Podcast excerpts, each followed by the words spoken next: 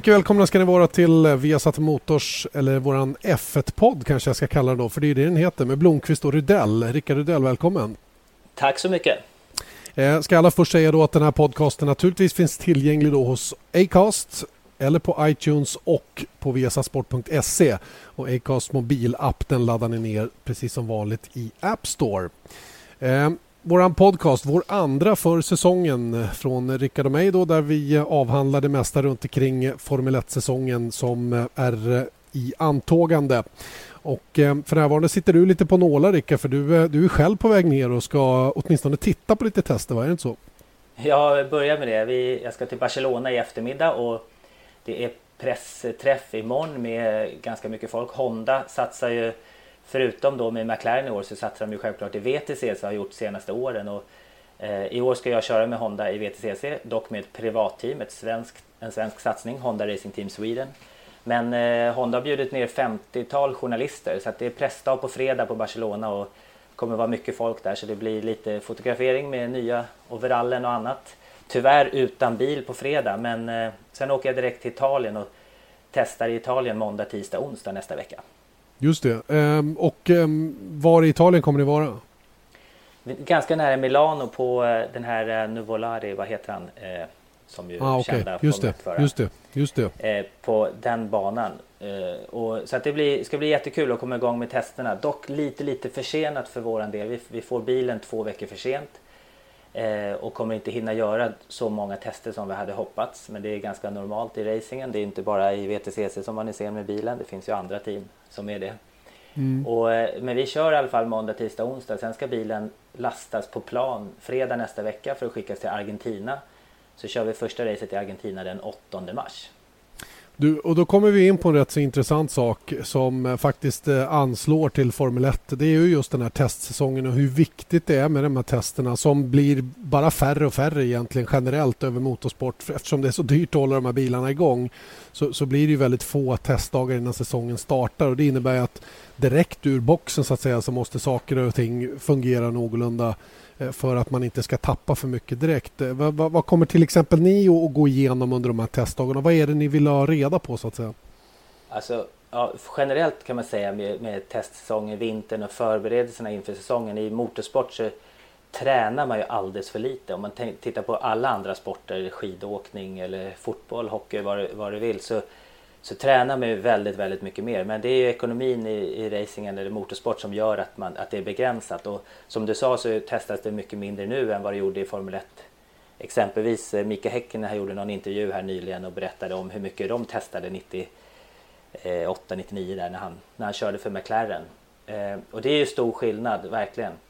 Men och de, när man tänker tillbaks på de säsongerna som det har gått som bäst, där man har kanske vunnit en serie eller varit med i toppen och då är det ju faktiskt de gångerna som man har varit bäst förberedd. För det är faktiskt lika mycket poäng som delas ut första racet som sista. Så att det, det gäller ju att vara, liksom, vara klar med testandet innan säsongen börjar och då ska man liksom vara som bäst när säsongen börjar och kunna hålla den nivån och kanske öka då under säsongen. Inte liksom komma eh, med en testdag i kroppen och sen första racet. Och lite grann så blir det ju det det här året för mig då, att vi, att vi gör lite för lite tester och det kommer drabba oss men vi det är en tvåårssatsning, vi är medvetna om det. Vi har fått bilen lite sent så att vi tar de första racen, Argentina, Marocko som, som lite lärdom och sen kunna testa när vi har bilen i Europa. Förhoppningsvis göra några testdagar eh, mer än de andra under maj månad och, och försöka vara i kapp där. Eh, om vi då lyfter över hela den här problematiken då på Formel 1 så har vi ju redan team då som har tappat en hel del värdefull tid. Vi har Force India som överhuvudtaget inte var på plats i Jerez under den första fyrdagarstesten. Vi har McLaren Honda, dina märkeskompisar i Honda där som eh, som hade stora bekymmer, drygt 70 varv bara på fyra dagar. Vi hade Red Bull som också stötte på patrull. Eh, hur, hur mycket skadade de att tappa den här första funktionstesten då på det sättet som man gjorde tror du? Alltså jättemycket för McLaren självklart. De, de hade ju problem eh, på Abu Dhabi-testen i höstas när de skulle försöka köra mer än vad de hade tänkt. Och de har ju sagt själva att de hade en två, tre stora problem som de har löst över vintern och tänkt att eh, nu kommer de till Jerez och ska kunna köra många varv. Och sen hade de mindre problem men det spelar egentligen ingen roll hur litet ett problem är. Kan du inte göra de här varven som du behöver göra och då är du efter. Och jag tror att de är medvetna om att eh, första delen av säsongen har väl redan mer eller mindre räknat med att inte kunna vara med och slåss där de, där de hör hemma, topp top 5, topp 4. Eh, så att jag tror att, jag tror att det, de har gett upp lite i början på säsongen och, men satsar på att liksom kunna kanske öka och utveckla mer än vad de andra kommer göra i början på säsongen. För det de ligger helt klart efter. Det där är ju någonting som de alla egentligen har sagt också ifrån teamet, både förarna och, och teamledningen och även Honda att eh, det, det måste finnas tålamod med McLaren Honda-satsningen då för att det är ingenting som kommer att ske över en natt. Och Eh, det var väl rätt tydligt också i Jerez att, att det verkligen är på det viset. Att, eh, och det är väl det testerna är till för också. Framförallt den här första testen att hitta de här småfelen djupt begravna inne i power uniten som man inte vill ha problem med senare. Utan eh, eh liksom försöka sortera ut barnsjukdomarna så snabbt det bara går.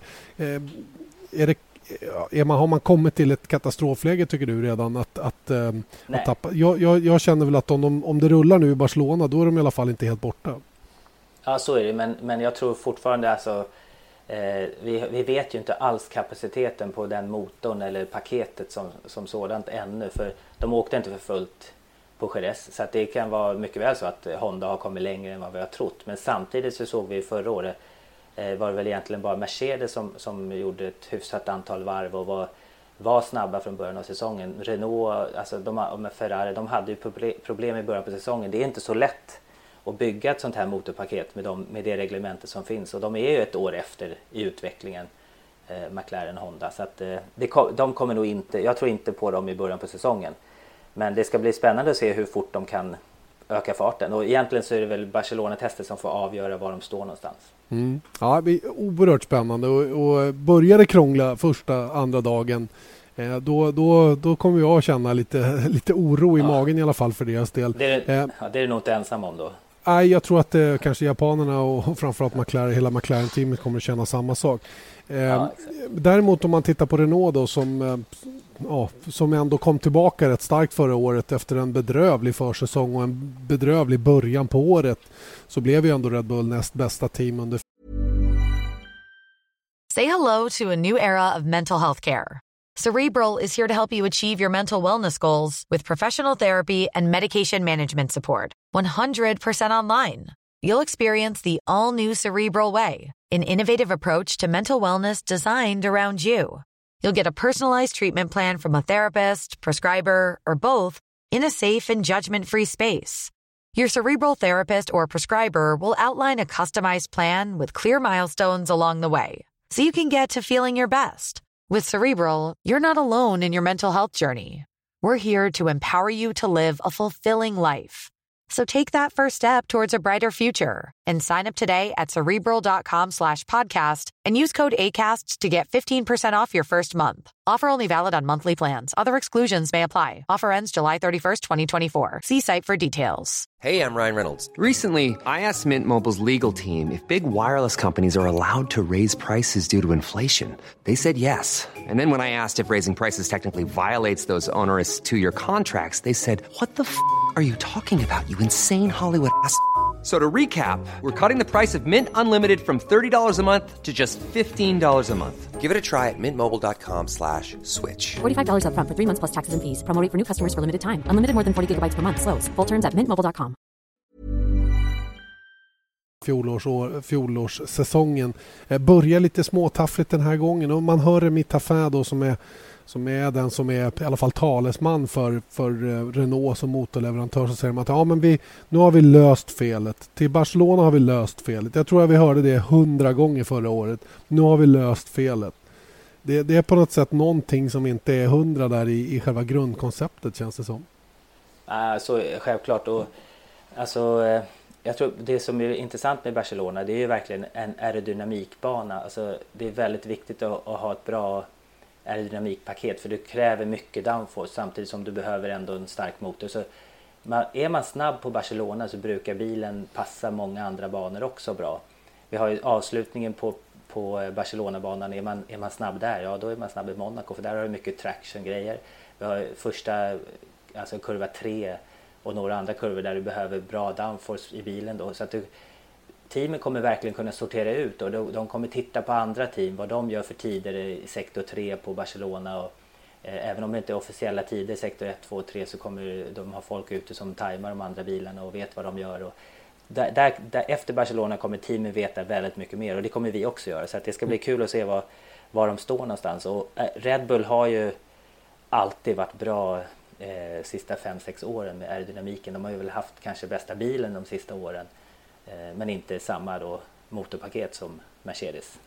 Det leder oss in på en liten annan diskussion som, som eh, jag startar kanske lite grann på min blogg häromdagen där det var ett uttalande från Daniel Ricciardo att han vill ha tusen hästkrafter och han vill ha svårare banor och vad det nu är för någonting. Saker som alla fans, tror jag, alla förare, alla egentligen skriver under på att det är bra. Allt, allt som handlar om, eh, om banor är naturligtvis en kompromiss när det gäller säkerhet och sådana saker. Och det, det är ju svårt att argumentera emot. När det gäller hästkraftsantalet så var vi, vi berörde det i förra podcasten också då att Eh, tusen hästkrafter är en, en grej. Jag tror inte att det gör någon större skillnad på hur fysiska bilarna blir att köra och sådana saker utan det är ju mer körbarhet och sådana saker. Bredare däck, mer grepp i kurvor.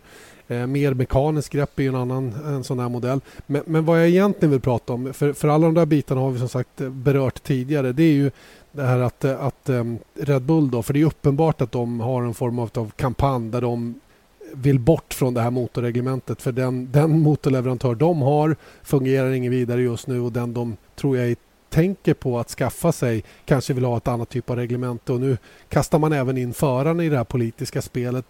Eh, är det någonting som du också upplevt genom åren att, att man blir mer eller mindre tillsagd att bli lite mera publik när det gäller vissa ärenden?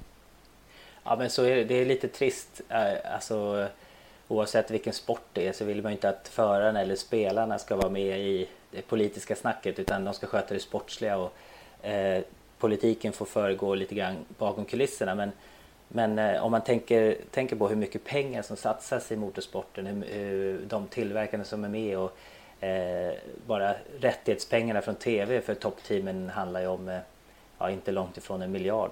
Så att eh, det är mycket pengar inblandat och då är det klart att man tar till alla medel för att lobba för, för att få det dit man vill. Och, eh, även förarna blir inblandade i det snacket och det spelar nog ingen roll om det är Formel 1 eller om det är BTCC eller VTCC eller STCC så, så är det klart att man försöker påverka eh, allting till sin fördel. Alla vill ju vinna och det, det är väl ingen som vill, göra, som vill göra någonting med fusk men man försöker självklart ändå påverka det som de som fattar besluten så att man kanske ska ha Eh, lite lättare att vinna och det spelar ingen roll tror jag vilken, vilken klass eller vilken sport man, man snackar om. Det finns alltid de som lobbar för sitt, så är det ju.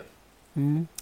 Eh, som sagt, Ricciardo var den senaste då som, som tyckte att alla förarna skulle tycka det var fantastiskt om man fick mer effekt och så vidare. Jag, jag, jag, jag vet att vi pratade om det sist också. Jag har, har stött och blött det här många gånger. Och eh, jag tror att det för alla oss som inte kör racerbil så är det väldigt svårt att uttala sig överhuvudtaget. Det är många som tycker att de vet och kan och, och upplever att eh, man borde göra si, man borde göra så. Men i, till syvende och sist är det ju omöjligt att svara på eh, utan att ha kört själv, så att säga. Va? Och, eh.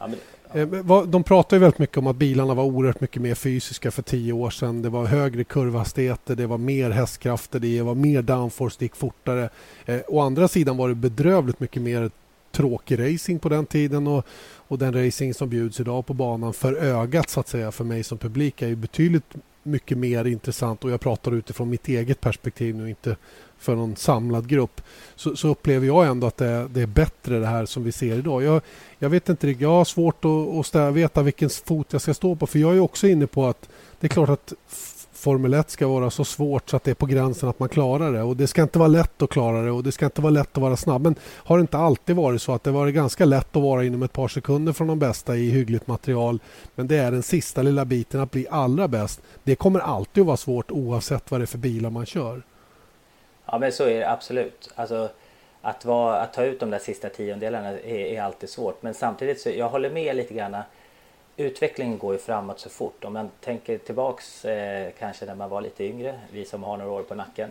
när, turbo, när turbon kom på vanliga bilar, så vilket, vilket, då, de kunde ju inte hantera det riktigt. Men Nej. kör en, en bil idag så är det ju mycket, mycket snällare. Man har ju alltså gjort den mycket, mycket mer eh, körbar. Bilarna. Exakt. Ja, körbar. Och tittar du på när framhjulsdrivna bilar, när de hade 225 hästar kommer jag ihåg när Volvo hade på någon framhjulsdriven bil och det var ju knappt att det gick att åka med 225 hästar. Mm. Idag har ju vilken framhjulsdriven bil som helst 200, över 225 hästar och det är Exakt. hur lätt som helst. Så att körbarheten, det, det, spelar ingen roll om det är vanliga bilar eller om det är Formel 1. Och tänker man på att de bästa ingenjörerna finns i Formel 1 så är det klart att de gör bilarna mer körvänliga så att föraren ska kunna ta ut den kraft som finns så bra som möjligt. Och kanske då att, eh, att de har gjort dem för körbara, det blir för lätt att ta ut effekten och kanske att man, det är dags då kanske att höja men man har ju idag redan över 800 hästar och klart ta ut 1000 hästar och kanske inte tillåt, tillåta vissa saker så att eh, man, man kanske inte ska ha bilarna för körbara helt enkelt. Sätta mm. lite regler där. Men, men det är svårt att säga. Det, samtidigt de som så får ju inte heller teamen och motortillverkarna vara med och skriva reglementer för mycket för då, då lobbas det ju så väldigt mycket där. Så det då faller vi tillbaka ska... på det vi pratade om tidigare. Att man, då blir det liksom bara ja. Då fixar man och trixar för att få sin egen, för att få sin egen vilja igenom så mycket som möjligt. Ja, men det är svårt liksom att få, få folk som Adrian Newey att sitta, och, eh, sitta på förbundets sida och skriva reglementet. De vassaste ingenjörerna och designers de kommer ju alltid jobba för de teamen som har råd att betala de högsta lönerna. Så är det ju. Mm. Det är ingen, det, de, bästa, de bästa killarna hittar ju alltid vägar fram hur de, ska, hur de ska bli bättre och utvecklas. Och det är det som driver utvecklingen samtidigt. Så det är det som är tjusningen med Formel 1 också. Eller hur? Och jag tycker det är jätteintressant det du säger där. Just det här med hur utvecklingen på bilarna har gått framåt så oerhört mycket. Och det gäller ju inte bara tävlingsbilar utan även privatbilar. Hur, jag tycker det, det, det, det är så huvud på spiken verkligen vad det handlar om. En, en, en bildesigner eller någon som bygger bilar kan inte rå för att de gör, eller ja de kan rå för, men det är ju liksom, de strävar ju efter hela tiden. Att göra bilarna så enkla att köra fort med som möjligt. Och, och, och det är ju alltså- precis dit vi har kommit idag. Att, att det är så enkelt så att man är 17 år, glider ner i bilen ja. och är inom ett par en, en och en halv sekund från de allra bästa. Och kanske till och med bara några tiondelar ifrån om man satt i likvärdigt material med de bästa. Och, och, och, så, och så, är det ju. Och jag vet inte riktigt vad man ska göra åt ja. saken bara. Det finns ju tusen och en åsikter. Det finns säkert lika många åsikter som det finns folk. Hur man ja, löser det här problemet. Va? Men, men jag, jag vet faktiskt inte. Och du sa det där Max Verstappen. Det är klart att det har snackats extra mycket efter, han, efter att han kommer in då efter bara en säsong i racing. Han, han sa ju själv faktiskt att det var lättare, eh, det var svårare att gå från go-kart till Formel 3 än vad det mm. var att gå från Formel 3 till Formel 1. Mm. Så att det säger väl en hel del. Det är klart att det är ett stort steg att gå från go-kart för den väger ju inte alls många kilo till Formel 3. Det är en ganska stor skillnad i vikt. Sen viktskillnaden från en Formel 3-bil till Formel 1 är inte lika stor. Men, Men kanske att steget borde vara lika stort från Formel 3 till Formel 1.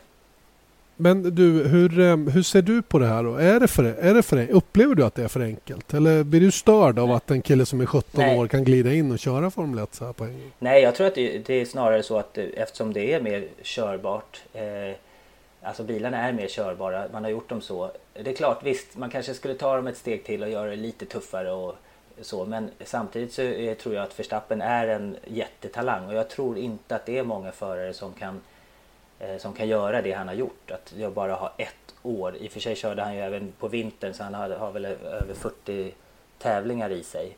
Men, mm. eh, men det, det, han har gjort är ju extremt och jag, jag, tror att det är snarare så att eh, de här riktiga talangerna som, som kommer igenom som han är, uppenbarligen är. De kanske kan ta det här steget men jag tror inte att alla klarar det. Vi har, ju, vi har ju som sagt inget motstycke bakåt i tiden. Kimi Räikkönen kom från 23 formelbilstävlingar också rakt in i Formel 1 och gjorde det utan några som helst problem. Jenson Button kom väl direkt från F3 och rakt in i nu körde väl han kanske lite Formel Ford och sånt innan också så han hade lite, lite mer erfarenhet. Så det har ju hänt tidigare att killar har kommit in. Jag tror i och för sig att Formel 1 idag är mycket, mycket mer än att vara snabb över ett varv och det är det som kommer att bli det stora problemet för en sån som Verstappen, kanske också för Carlos Sainz att, att, se på Kevin Magnussen eh, som, som eh, var alldeles utmärkt bra i början. Eh, kvalade hyggligt och nästan lika bra som, som Jenson Button.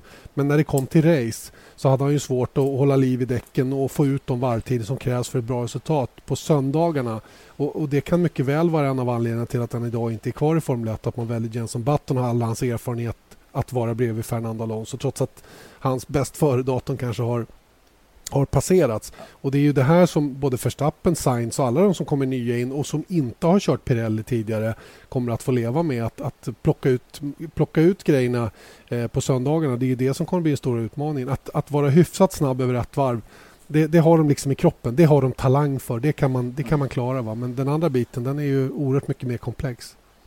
Ja men så är det absolut. Och i alltså en race-situation, det är som, du ställs inför helt andra förutsättningar att få däcken att hålla. Och, Eh, du har bilar framför bakom och det är klart att eh, Max Verstappen från Formel 3 till Formel 1, han, han har en del, del att lära. Nu sitter han ju i och för sig i Red Bulls juniorteam eh, och jag tror att det räcker att han visar upp bra speed i kvalen och tar sig långt där.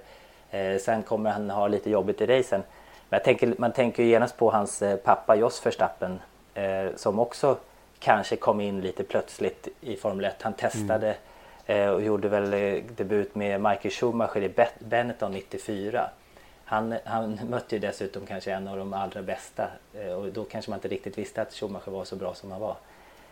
Så att det är tufft att göra debut för tidigt. Nu, nu gör ju Max Verstappen debut tillsammans med Sainz så det kanske blir lite lättare då. Men, eh, men det är en tuff, tuff uppgift. Ja, å andra sidan så har de ju ingen erfarenhet någon av dem att, att hjälpa varandra med. Nu vet inte jag hur mycket man går runt och hjälper varandra på det viset. Nu finns det ju mycket annat kunnigt folk i teamet och då kommer vi liksom tillbaka till, till det faktum att bilarna som sådana är relativt lätta att köra då, eller lätt att komma in i. Det är en, det, jag skulle säga att förarmiljön är en helt annan idag än den var för 15 år sedan med all, allt det du måste göra medan du kör. Eh, det är liksom en annan utmaning, ja. eller vad ska jag kalla det. Va? Och det är lite kul att, när man pratar med folk och de, de, man lyfter fram tv-spelsgenerationen att de är väldigt skickliga på en gång. Då. De har kört mycket simulator och de, de kan det här med eh, multitasking så att säga bakom ratten på ett annat sätt. Ja, det är helt otroligt egentligen när man tittar på vad de, vad de ska göra när de kör. Vi, Eh, man ska ju självklart inte smsa och prata i telefon när man kör i trafiken men de ska köra i 300 och trycka på, vrida på några rattar till motorstyrningen. De ska göra det och ändra ja. den knappen från fyran till femman och, och de ska göra det liksom samtidigt som de kör genom en kurva och knappt, och knappt kan andas. För det är ju så när du kör när du har 4G genom en kurva då kan du inte andas. Då, då, då håller du andan just genom kurvan. Så att det, de, det de utsätts för är helt annat eh, på det sättet. Det, men det kan man ju verkligen träna sig till också genom då simulatorkörning, att liksom veta när man ska göra vad och sådana saker. Även om du inte utsätts för G-krafter i en simulator på samma sätt, det gör man ju inte. Man men, gnugga, men, men du, man, man gnuggar, in, in precis, man vet var knapparna sitter och du ska kunna du ska kunna blunda och, och liksom komma åt alla de knappar och rattar du har, har på den här ratten. Så det är faktiskt ganska imponerande. Mm, ett ryggmärgsbeteende som man är ute efter. Inte helt olikt det som händer till exempel i en cockpit i ett stridsflyg eller vad det nu kan vara där oerhört mycket måste ske på instinkt. Och, och jag, jag, tror att, återigen, jag har aldrig provat, jag kommer aldrig få prova. Jag kan inte ens vara i närheten av att veta hur det är. Men jag är ganska bra på att lyssna in och, och förstå. Och eh, det jag upplever är ändå att eh, ingen går runt och funderar på det utan det blir verkligen ett ryggmärgsbeteende till slut. Eh, det är ingen som tänker på alla de här grejerna de ska göra. De får något kommando att göra och man gör kommandot bara. Det är, det är krångligt i början och sen när det väl sitter där så... Jag, jag såg till exempel Marcus Erikssons nya ratt. Den är ju helt annorlunda mot den han hade förra året och det är ganska mycket att lära in i form ja. av nya kommandon. Sen var det ju, som han själv beskrev det, så var väldigt mycket pedagogiskt gjort det, allting eh, var rimligt så att säga. Ja, men det där blir ju bra och gör man si då gör man så. det var, det var liksom ganska lätt att förstå på det viset. Men det var väldigt mycket information, ohyggligt mycket information. Ja, alltså som jag har kört då Formel 3 och Touring Car, Formel 3000 i och för sig i Japan och sånt, men vi har aldrig, aldrig haft den teknologin och de eh, eh, aldrig ställts för de utmaningarna. Man har typ en knapp för radion och så kanske man har någon styrningsfunktion på ratten, en eller två max. Men, eh, men det är häftigt att se. Ja, ja, imponerande. Du, vi lämnar den här frågan nu tycker jag tillfälligtvis. Vi kommer säkert att komma tillbaka till alltihopa där. Det är ju en sån här evighetsdiskussion som eh, framförallt väcker mångas eh, åsiktsbank. Så att det finns säkert anledning att diskutera framöver. Eh, en annan, eh, ja, i och för sig eh, ganska kontroversiell fråga det är ju att eh, det håller på att dyka upp ytterligare ett race som ska köras borta i Mellanöstern. Det är Qatar som eh, jobbar hårt nu och som säger själva i alla fall att de är oerhört nära en, en deal med Bernie Ecclestone om ett race i Formel 1-VM. Ytterligare ett race där borta alltså. Detta samtidigt som vi har eh, tveksamheter runt omkring Tysklands Grand Prix även om Nürburgring har lämnat ett nytt bud till Bernie Ecclestone Silverstone. Eh, Hockenheim står emot lite grann, försöker att pruta på priset eh, som ersättare då till Nürburgring. Eh, jag är ganska övertygad om att Tysklands Grand Prix kommer att bli av. Jag tror inte Mercedes vill, eh, vill eh, att det inte ska köras något i deras hemland så att säga. Va? Så att det, det, det, kommer säkert att lösa sig på ett eller annat sätt. Men det är intressant det som pågår i alla fall hur, hur de här länderna borta i Mellanöstern då, eh, laddar hårt för att komma in på F1, eh, F1 arenan och för att göra reklam för sig själva och sitt land. Eh, och min, min personliga åsikt är ju att själva själva placeringen av F1-lopp är ganska obetydlig för min del. Jag sitter ju allt som oftast vid tvn och det gör väl eh, 90 procent av alla som ser Formel 1 under ett år sitter ju vid tvn och då kan det ju kvitta. Eh, däremot så är det oerhört viktigt hur det ser ut, hur banan är och hur den är att köra. Eh, jag gjorde någon parallell här att hur roligt är det att åka till spa till exempel i, när det regnar ja. jämt. Då. Spa ja. som är kanske världens mest omtyckta bana när man väl kör den. Men själva omgivningen är ju helt kass. Då är det ju roligare att, att se ba, banan spa vara byggd någonstans där det är varmt och där det inte är påverkan av väder och så vidare. Så jag vet inte hur du ser på den saken. Nej men det är klart, eh, Qatar, vi ska köra där VTCC förresten i höst. Eh, avslutningen i VTCC blir Qatar istället för Macau i år. Mm. Så att, och de kör ju MotoGP, Superbike och där Ja, det är ju sista helgen i mars tror jag va? Det är väl premiär för MotoGP där borta. Mm. Så att, eh, och sen, men så de regionerna de lägger ju väldigt massa pengar för att synas och det handlar ju egentligen inte om att invånarna i Qatar är väldigt sugna och intresserade av Formel 1. Och det tycker jag är lite synd för det handlar om att de lägger pengar, de satsar för att få dit eh, friidrotts-VM 2019 var fotbolls-VM i det efter det. Allting hamnar i Qatar känns det som. Ja, och det, det, det laddas väl väldigt massa oljepengar för att synas och få upp eh, Qatar och namnet. Men jag kan är övertygad om att det är väldigt få invånare som är insatt i Formel 1 på samma sätt som man är i Tyskland, England, eh, Belgien och andra länder där, där Formel 1 finns och har körts i många, många år. Sen tycker jag att eh, jag har förståelse för det och jag håller med om att Formel 1 är väldigt mycket tv-sport. Alltså, eh, det, du ser ju inte alls närheten så mycket när du är på banan men det ska upplevas live ibland. Man måste åka till Formel 1 och uppleva det live för att liksom, få in känslan av en Formel 1-tävling. Det tycker jag är viktigt. Och sen tittar man på historien, vad, vad Formel 1, var det kommer ifrån och var det varit och eh, vilka länder. Hur, jag bara tänker på England så säger man att jag vet inte om det var 30 eller 60 000 människor som jobbar direkt inom motorsport. Sex mm. av nio team eh, håller till i England. Mm. Så att det, jag tycker det är viktigt att komma ihåg ursprunget. Vi höll ju på att förlora Silverstone för ett antal år sedan men där är man kvar. Eh, om man förlorar Tyskland. Eh, jag tycker vi, Hockenheim, Nürburgring eh, varannat år, det har varit kanon. Silverstone, Spa, Monaco, de banorna de får man inte förlora för det är lite av hjärtat i Formel 1. Jag tycker det är, med tanke på så många människor som är sysselsatta i de länderna eh, och är intresserade av Formel 1 så är det väldigt, väldigt viktigt. Men Självklart så är det klart när man ökar serien till 20 race så är det klart att det måste vara ett antal race i andra regioner. Men jag tror inte man kan kräva lika mycket betalt av Hockenheim och Nürburgring när det knappt går runt. Man får väl acceptera att vissa race eh, inte betalar lika mycket. Det är ju, I slutändan så är, är det ju en pengafråga varför man inte kör i Tyskland. Just det. Om man Ly inte kör där. Lycka till med att övertyga Bernie Ecclestone om det där. ja, det är inte så jävla lätt kanske.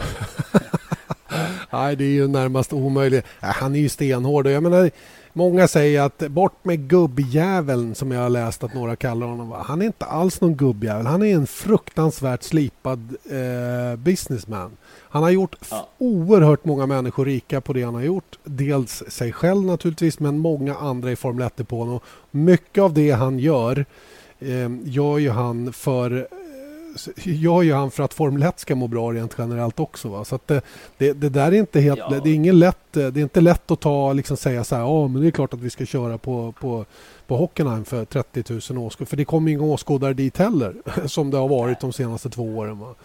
Och ja, eh, ja det, det, har inte alls att göra med motorreglementen eller reglementen rent allmänt. Det har att göra med att det är för dyrt att gå.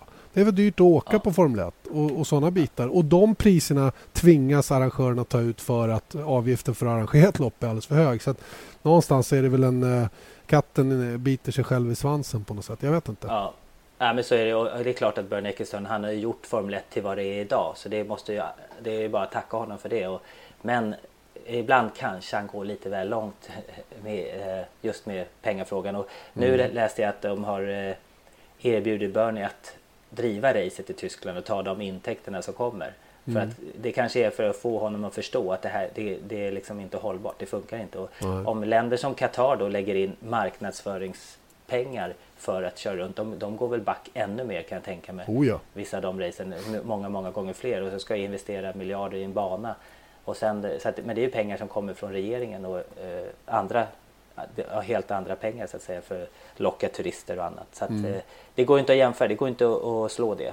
Nej, det gör ju inte det. Och eh, det blir inte competition på samma villkor på något sätt heller. Va? Nej, Hur ska man kunna slåss med det? Många undrar varför det inte körs några race i Finland till exempel. Ja, men det är ju regeringsbeslut att få till en bana som man kan köra Formel 1 Ja. på. Ja. Och det, finns inte en, eh, det finns inte en politiker, eh, inte i den här delen av världen i alla fall, som, som skulle kunna driva igenom en sån fråga. Utan det här handlar ju om näringslivskrafter och, och som du är inne på, tradition. Tradition långt tillbaka i tiden som är svår att bryta. Då har man en möjlighet att finnas kvar om inte annat. Men däremot att Ja, jag- nyetablera någonting i Europa, det tror jag är närmast omöjligt idag. Ja, jag tror Bernie Ecclestone måste ha en, eh, en prislista som ser lite olika ut för genuina Formel 1-race eh, bak i tiden. Så här Ja. viktigt. Precis som man, har, eh, som man ger eh, vissa team mer pengar i tv-rättighetspengar bara för att de har funnits i, sedan 1950-talet. För att de är, En- vikt, en rö- för att, ett- för att de är viktiga för Formel 1. Ja, Jag tänker på en röd bil. ja jag, jag fattar. Jag fattar, jag fattar. Vi, vi, vi säger inget mer. Nej. Hörru, det var ett eh, jättetrevligt samtal det här. Jag eh, ska inte uppehålla dig längre nu. Jag vet att du eh, sitter på nålar för att dra iväg till flygplatsen. Flyger ner till Barcelona, pressdag med Honda Team Sweden, heter ni så? Ja, Honda Racing Team Sweden. Just det, så är det. Niklas Karlsson är det som, som driver det här teamet och du ska alltså köra och jag hoppas att testerna går bra nu, att bilen fungerar som den ska. Det hoppas jag också. Får vi hoppas att det blir så mycket varv som möjligt innan ni packar den då för vidare transport till Argentina. Där premiären i World Touring Car Championship alltså avgörs så småningom. Tyvärr inget vi ser i våran kanal men vi kommer att höra mer av dig eh, Rickard och det kommer vi göra faktiskt ifrån den här testen nästa vecka. Det ska bli väldigt spännande att höra hur det har gått, om det funkar som det ska. Trevlig resa nu och på återhörande om en vecka igen. Tack så mycket Janne.